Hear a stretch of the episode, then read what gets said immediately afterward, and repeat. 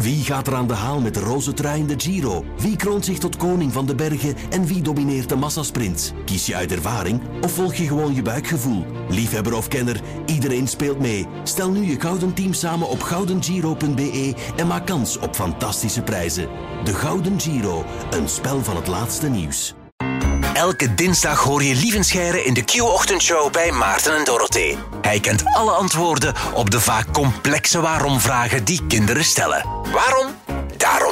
Kinderen stellen in een bepaalde fase van hun leven 100 waarom-vragen op een dag. Ik heb thuis ook zo'n exemplaar rondlopen. Leon van Quali, vier jaar oud. En daarom roepen wij elke dinsdag de hulp in van de man die alle antwoorden in zich draagt. Lieve Scheire, goedemorgen. En goedemorgen. Hallo. Uh, morgen is het onze duizendste show al. Uh, jij was onderdeel van heel veel van die shows. Wat is je mooiste herinnering, Lieven?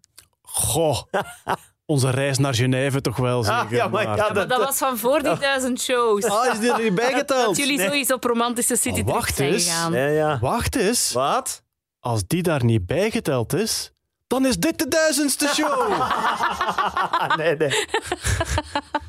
Maar wat was dat nu weer met die Genève en Nou, jullie samen? En Dat was iets? uh, een wedstrijd voor Radio 2 en ik was student journalistiek en dan ben ik met Lieven naar Genève Ah, ja. geweest, naar Zwitserland. Het was heel fijn, hè? Dat was fantastisch, ja. Ja. Dat was uh, um, professor Zonnebloem achterna. Hè. Ja, ging over ja. Een album van Kuifje dat hem daar afgespeeld had. Klopt.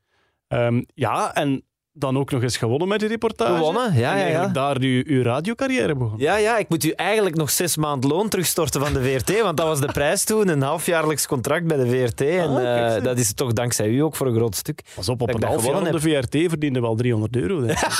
Ja, voilà. voilà.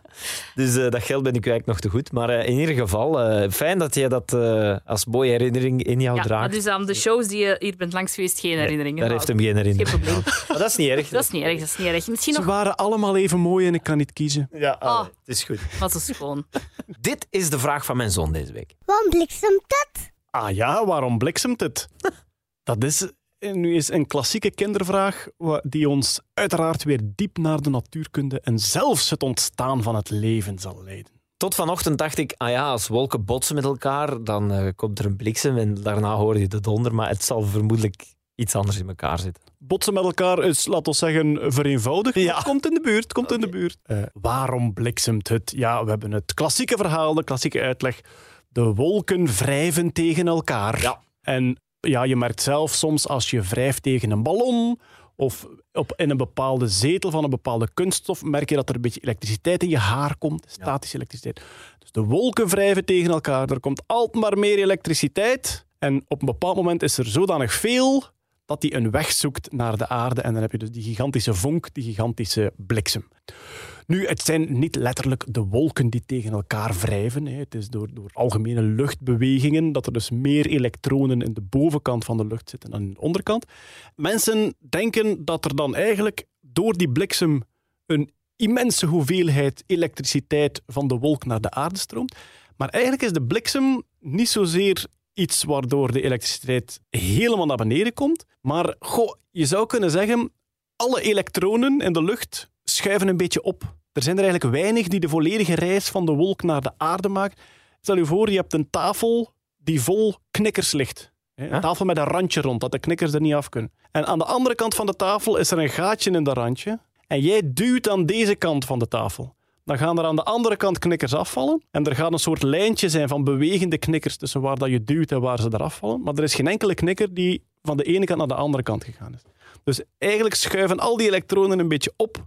En wat dat prachtig is om te zien, is een ehm, heel vertraagd beeld van een bliksem die inslaat.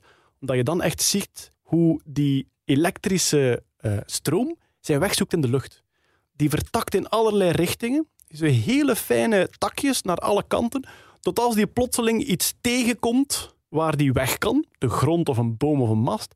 En vanaf dat moment ontstaat er eigenlijk één lijn waarop die volledige lading gelost wordt. En dan is het weer weg. Ja, ja. Maar dat moment dat die, dat die bliksem eigenlijk aan het zoeken is door de lucht, zo dat hele fijne vertakken, dat is eigenlijk prachtig om te zien. Oké. En dat doet eigenlijk niks. Het is maar van zodra het echt een, een voorwerp of een boom of zo raakt, dan slaat de bliksem echt in. Wel, inderdaad, want de lucht is niet geleidend. Nee, voilà. Maar vanaf het moment dat er een volledige baan gevormd De is. contact ook, ja. Ja, inderdaad. En vanaf dat moment Volg de rest. Ja, omdat de bliksem is wel geleidend, omdat hij zo heet geworden is. Omdat hij eigenlijk een soort plasma maakt. En omdat hij zo heet is, gaat de lucht daar rond uitzetten. En dat is de donderslag. Dus dat Ja. is eigenlijk de lucht die uitzet door de warmte Ja, van die ja. bliksem en zich dan verplaatst. Eh, ik had jullie nog beloofd om jullie mee te nemen naar het ontstaan van het leven. In een bliksem gebeuren er eh, felle chemische reacties eh, tussen de koolstofverbindingen in de lucht. En het vermoeden is dat de bliksem een nodige rol gespeeld heeft in het ontstaan van de moleculen waar het leven uit ontstaan is. Oké. Er is een heel bekend experiment, het Miller-Urey-experiment. En dat waren twee wetenschappers. Die hebben eigenlijk een soort soep gemaakt, een soort ehm, soep van moleculen en gassen die aanwezig waren op de dode aarde voor het leven ontstond. En die hebben daar dan vonkjes door laten slaan. En die zagen effectief na verloop van tijd, zagen zij de aminozuren ontstaan waaruit het leven opgebouwd is. Dus- Wow, dan kan je echt zo on- van onder een petrischaaltje of zoiets de wereld reconstrueren. Zo. Ja, je hebt wel eh, enkele miljarden jaren nodig, dat maar wel, ja. We hebben tijd. Allee, we hebben tijd. Ja, ja. Dat is dan voor de 2000ste eh, uitzending eh, voor, voor dat moment.